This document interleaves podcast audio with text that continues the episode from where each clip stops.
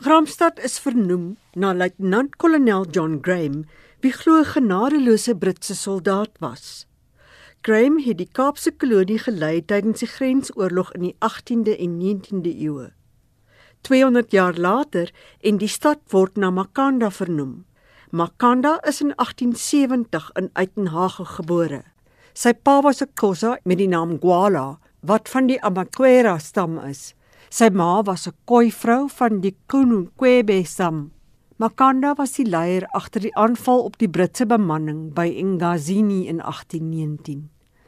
'n Geskiedkundige by die Albany Museum, Kobisa Somelele, sê Makanda was ook die Xhosa se spirituele leier. Makanda was one of the Xhosa chiefs. He originates from Willowvale, but he then moved to Grahamstown where he was an advisor to Chief Ndlambe. And th that is when he met the British and he then got involved in the War of 1819, which is called the Battle of Grahamstown. He was a diviner.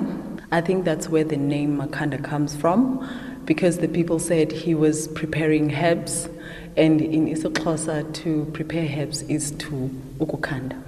Die naamverandering gebeur tydens die nasionale kunstefees, beter bekend as die Gramstad Kunstefees.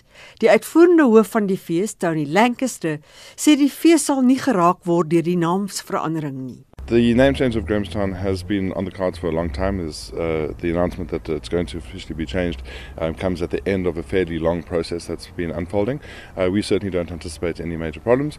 Uh, we're the National Arts Festival. A lot of people colloquially refer to us as the Grahamstown Festival. Now they can refer to us as the Makanda Festival.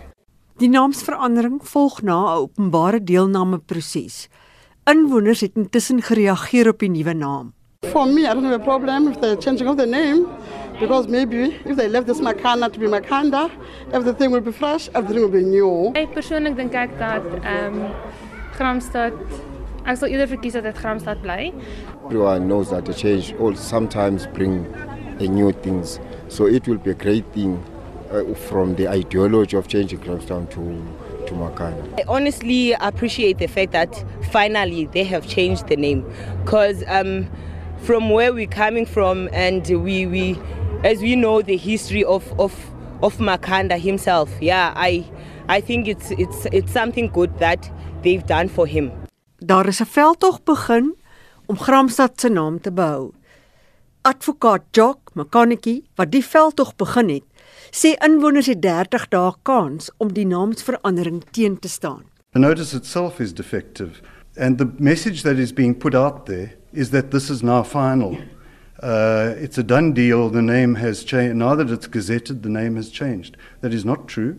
And the notice should have contained, should have informed people that they still have 30 days to object. So, in fact, this is just another step in the process. The minister will then have to apply his mind to the objections and make a decision. Once he's made a decision, then perhaps it's final, but it's still open to court challenge.